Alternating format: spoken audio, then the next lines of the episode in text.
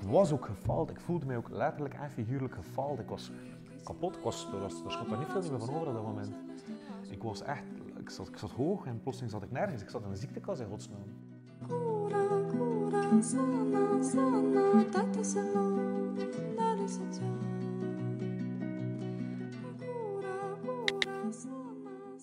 Uiteindelijk ben ik dan een stuk of acht jaar geleden gestart bij Netlash. Ehm, als informatiearchitect.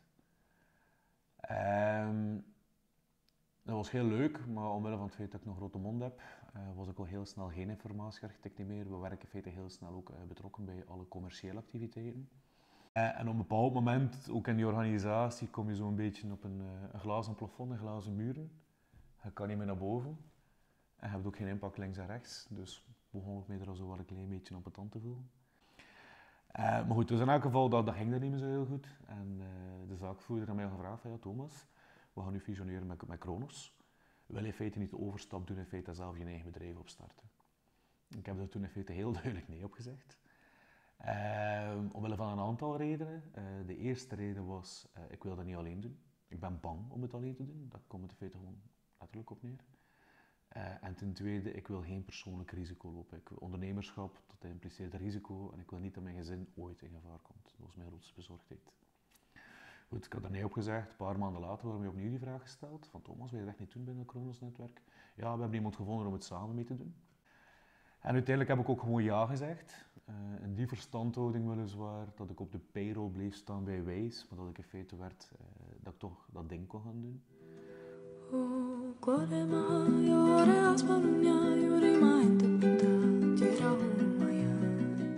We zijn eh, gestart met een wit blad. Letterlijk een wit blad. Er stond daar niks op in het begin van Wonderland, zelfs nog geen naam. Ehm, en toen zijn we ook beginnen nadenken van oké, hoe krijgen we nu effectief... Wat dat Valentijn heel graag wilde doen was business design. Design thinking toepassen op business modeling. En voor mij was het al redelijk abstract van wat wil je nu precies doen? Want design thinking kende ik op dat moment de feiten nog niet, nog niet echt goed. Eh, maar Valentijn, de focus, mijn gevoel opnieuw, is dat Valentijn heel zwaar zo wilde gaan richting een aantal dingen, zijn vooral user experience. Ehm, en hij profileerde zich ook heel zwaar als zijnde de expert. Zo, ik weet het beter.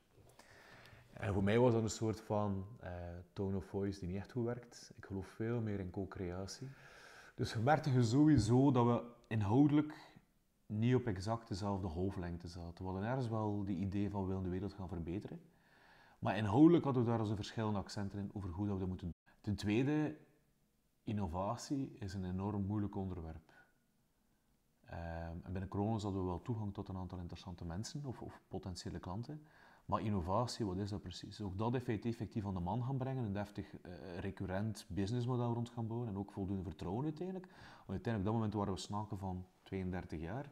Het is niet alsof hij er met grijze haren effectief toekomt. Ik, ik weet wat ik moet innoveren. Dus dat was enorm moeilijk om te verkopen.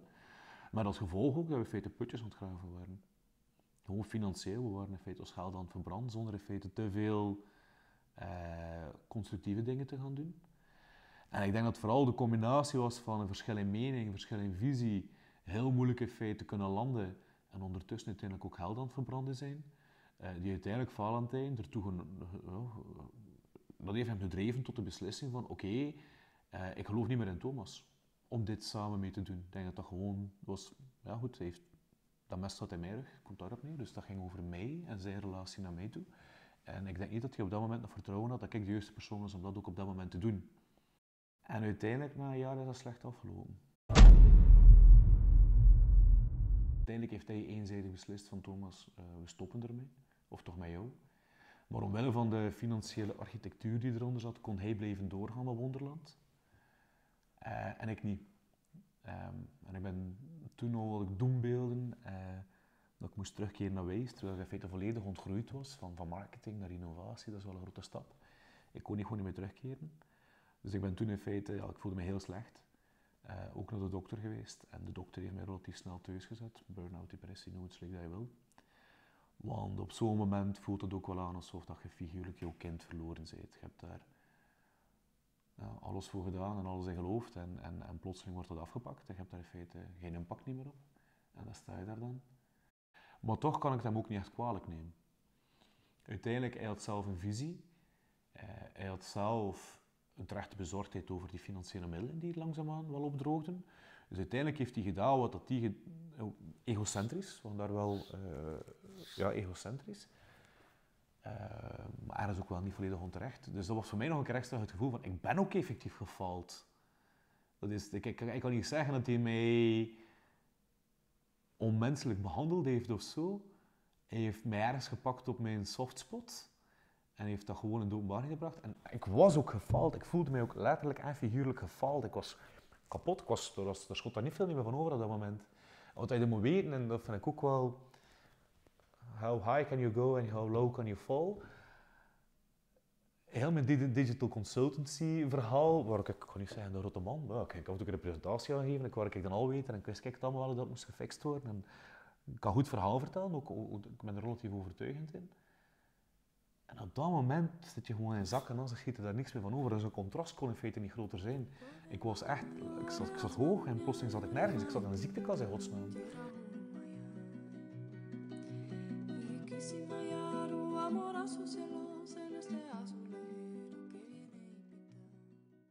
Maar als je dat meemaakt, dan ehm, ja, het is niet anders te omschrijven dan gewoon dat, dat je batterij plat is. Eh, ik heb in dat jaar, eh, denk ik, eh, het 60% van mijn tijd horizontaal doorgebracht in die zetel daar. Dat was echt gewoon letterlijk opstaan, kinderen klaarmaken, naar school brengen, zoals dat met de auto in het begin. En terugkomen, de hele dag in die zetel liggen. Totdat drie uur, kwart na drie was, weer aanscharrelen, weer de kinderen gaan halen. Thuis hier in, in om te spelen, ondertussen weer in de zetel gaan liggen. Ehm, Ik ben toen ook heel veel naar dokters geweest en naar psychologen geweest en naar, eh, op een bepaald moment bij een psychiater geweest. Elke twee weken ook wel een afspraak. Heel veel gepraat. Maar uiteindelijk dat hielp allemaal niet. Zo simpel was dat. Dus ja, dat praten, en ook, ja, je zit er een uur, daarmee is je probleem niet opgelost. Dus dat was redelijk stresserend, redelijk ambetant. Pillen hebben we wel kunnen uitstellen, maar ik zat echt wel in een soort van zelfvertrouwen was aan de kloten. Zo simpel is dat. Ik wist niet meer wat ik wilde doen met de rest van mijn dagen. Ik had geen courage meer voor niks niet. En uiteindelijk de dokter, dat ik eeuwig dankbaar ben. De dokter dacht, dokter dacht ik altijd van, gaat daar binnen, ze kijken een keer vlug en je bent weer buiten. Maar de eerste keer dat ik bij de dokter was, heeft ze wel degelijk een uur tijd vrijgemaakt voor mij. Voor mij was het echt zo ja, levenslang respect voor die vrouw. Dat ze op dat moment er echt was voor mij. Ook heel veel gepraat met haar. Ehm, en uiteindelijk eh, was wel de impuls van de psychologen en van de dokters van Thomas, probeer gewoon een keer weer dingen te doen. Pieker ik niet over wat hij wil doen met de rest van je dag, pieker gewoon een keer wat hij vandaag wil doen, wat hij wil doen. En ja, dan eh, hebben ze mij echt wel zwaar moeten pushen van, ga ik gaan wandelen, ga ik gaan fietsen. En in het begin was dat helemaal niet evident. Ik heb een aantal wandelingen gedaan dat ik me echt beklaag, omdat je dan zodanig aan het piekeren bent tijdens die wandeling. Oh, dat komt niet goed. Eh, Het worden echt wel zware dingen. Nu, wat er mij uiteindelijk wel gered heeft, ehm, zijn de kleine dingen. En dat is inderdaad effectief opnieuw leren gaan wandelen in een bos. Ik heb mij ook zo'n vierkante meter tunierbak gekocht op dat moment. Om inderdaad zo sporadisch te beginnen vloeteren in de erde. Ehm kippen heb ik ook gekocht in die periode, gewoon om ergens mee bezig te zijn. Dus het was echt wel een hele moeilijke periode. Op dat moment zijn er ook wel, in alle eerlijkheid, ook zwarte gedachten. Want eh je zit altijd wel de sterkhouder geweest van je, van je menage. Je bracht altijd dat geld binnen en plotseling kom je er op de ziekenkas.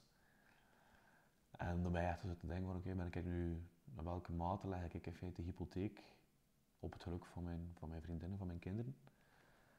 En nou ja, dan, dan denk je soms van is het niet beter dat ik gewoon zeg van bye bye. Het komt niet meer goed. Je hebt gewoon geen sturing meer voor de rest van je dag. Je weet niet meer wat dat je moet doen. Letterlijk doelloos, denk ik. En dat doelloos zijn is één ding. Ehm, het gevoel hebben dat je gefaald hebt, omdat je iets geprobeerd hebt, eh, dat komt enorm zwaar aan. Ik heb ook altijd zo... Weet je wel, initieel heb ik gezegd, ik wil geen persoonlijk risico naar mijn gezin. En net op dat moment kreeg ik de rekening gepresenteerd en had ik wel degelijk een... Mijn gezin heeft eronder geleden, daar ik ook raar over doen. Wat dat voor mij wel ook nog wel belangrijk was, is, is ehm, het taboe. Opnieuw, mijn ouders hebben dat eerste half jaar niet geweten dat er iets aan de hand was. Ik had ook nog mijn wagen en we deden wij nog niet bewust, maar wel alsof. Er was niks aan de hand en dat gingen we ook niet gaan bespreken. Ehm, taboe, echt, ook als je dan met je kindjes naar school gaat, het is, je zo vragen te stellen. Hè. Zijn die andere mama's en papa's nu niet aan het kijken naar mij, waarom dat ik hier ben van mijn kinderen te brengen. Vroeger deed hij dat niet. Om plotseling heb je wel het gevoel dat je een stigma op je hoofd hebt. En dan mensen jou naast van, ik dat, ik vind dat mislukkelijk. Eh, en ik denk dat dat vooral eh, het grote gevoel is.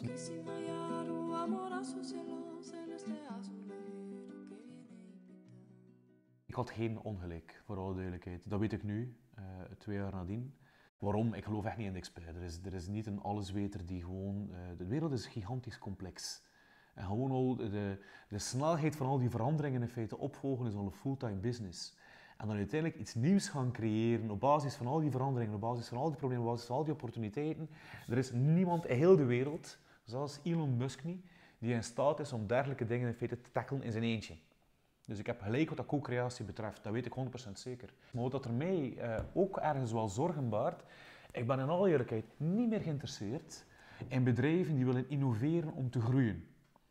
Die kunnen in alle eerlijkheid mijn eh, middenvinger krijgen, misschien moet dat niet op de camera, maar in elk geval, ik geloof niet dat je moet innoveren om te groeien. Ik denk dat je moet innoveren om relevant te blijven. Dat is een heel andere filosofie. En dat mag ik in feite niet te luid vertellen, want plotseling wordt mijn doelgroep zo groot.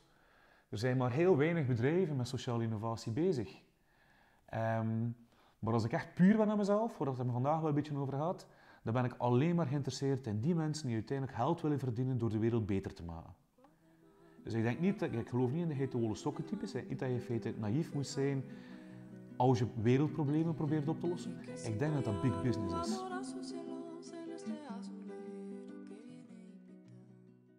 Op een bepaald moment ehm, is de burn-out of depressie gedaan. Ik weet niet of dat ooit echt gedaan is, voor alle duidelijkheid. Maar in elk geval, op een bepaald moment moet je weer eh, ten strijde gaan trekken naar het werkveld op. En toen heb ik ook echt onder begeleiding van de dokter, van de, begeleiding van de dokter ehm, het beetje trager gedaan. In dat opzicht dat ik heel snel beslist heb om maar mij opnieuw te engageren voor vier vijfde. Eh, en die vier vijfde heeft voor mij echt de wereld van verschil gemaakt. Het het was een hele belangrijke beslissing. Ik verdien minder. Maar ik zou dat geld voor niks anders willen inruilen. Eh, want die ene vijfde dat ik extra heb, dat stelt mij in staat om bijvoorbeeld morgen met mijn dochter naar de fotograaf te gaan voor haar lentefeest. Weet je wel, ik ben er. Dat is belangrijk. Of zelfs om mijn kindjes een keer morgens naar school te brengen. Of, of dat is heel belangrijk, of inderdaad naar het zwembad te brengen. Ik ben er gewoon als vader. En die vierde, vijfde heeft voor mij, dat is gigantisch belangrijk. Maar nog veel belangrijker, misschien nog even belangrijk, is die vierde, vijfde heeft mij ook energie gegeven om te doen wat ik denk wat, dat er moet gebeuren.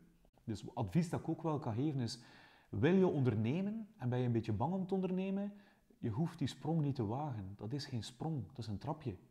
Vraag gewoon je vier vijfde aan Gebruik die tijd hoe? Om eerst even de echte belangrijke dingen te doen, zijn je gezin samen te zijn. En voor jezelf ook eens een beetje te gaan verkennen en te kijken wat dat jou drijft en daar ook gewoon echt actief op zoek naar te gaan en daar gewoon iets mee te doen.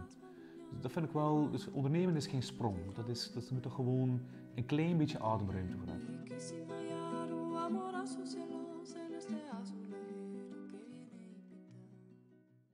Ondernemerschap gaat meer over emoties dan over cijfers. Dat wist ik niet op voorhand. Je zit er niet vanaf met je financieel plan te maken. Het is een emotionele rollercoaster. Echt waar. Soms gaat een ding goed en zij je high in the sky. En op een heb je een tegenslag. Gewoon een, een partner die zegt van ja, ik kan het toch niet doen.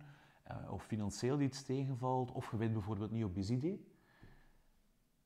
En dan zit je even in een put. Dus dat gaat echt puur over emoties. Cijfers zijn ook belangrijk, natuurlijk. Maar als mens in een onderneming, als als een start-up, gaat het puur over emoties. Hoe wapen ik mij daartegen? Niet.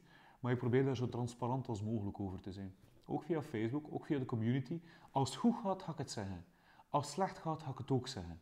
Een tweede tip dat ik ook wil geven is, ideeën zijn als magneten.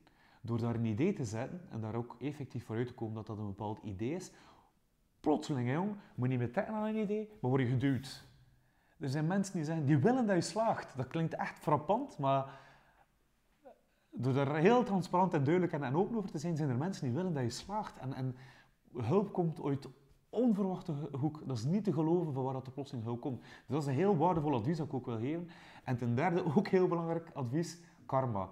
Ik wil niet naïef overkomen, maar plotseling vallen er opportuniteiten uit de lucht, omdat je gewoon eens een bepaalde visie hebt. En waarschijnlijk zijn die opportuniteiten er vroeger ook wel, je ziet ze gewoon niet. Maar plotseling door je kop uit te steken en door dat gewoon een keer te doen, duiken er dingen op dat je zegt van shit, ik had dat niet aan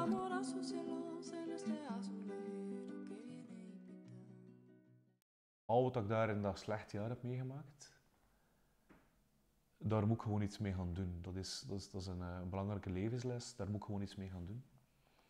En mijn plan bestond toen in feite om een soort van eh, domein te creëren, waar dan mensen die een burn-out of een depressie hebben, opnieuw kunnen leren genieten van de kleine dingen in de natuur.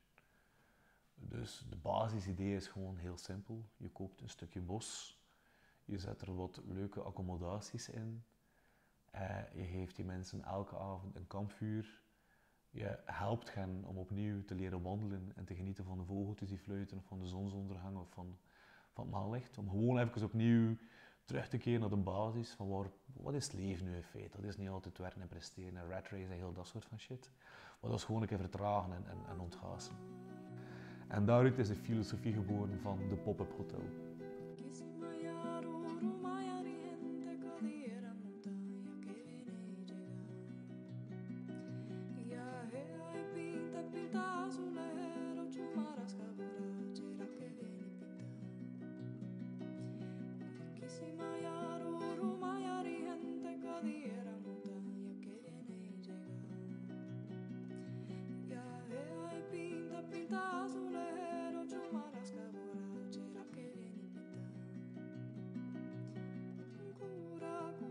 sana, sana, taita salón de licenciado.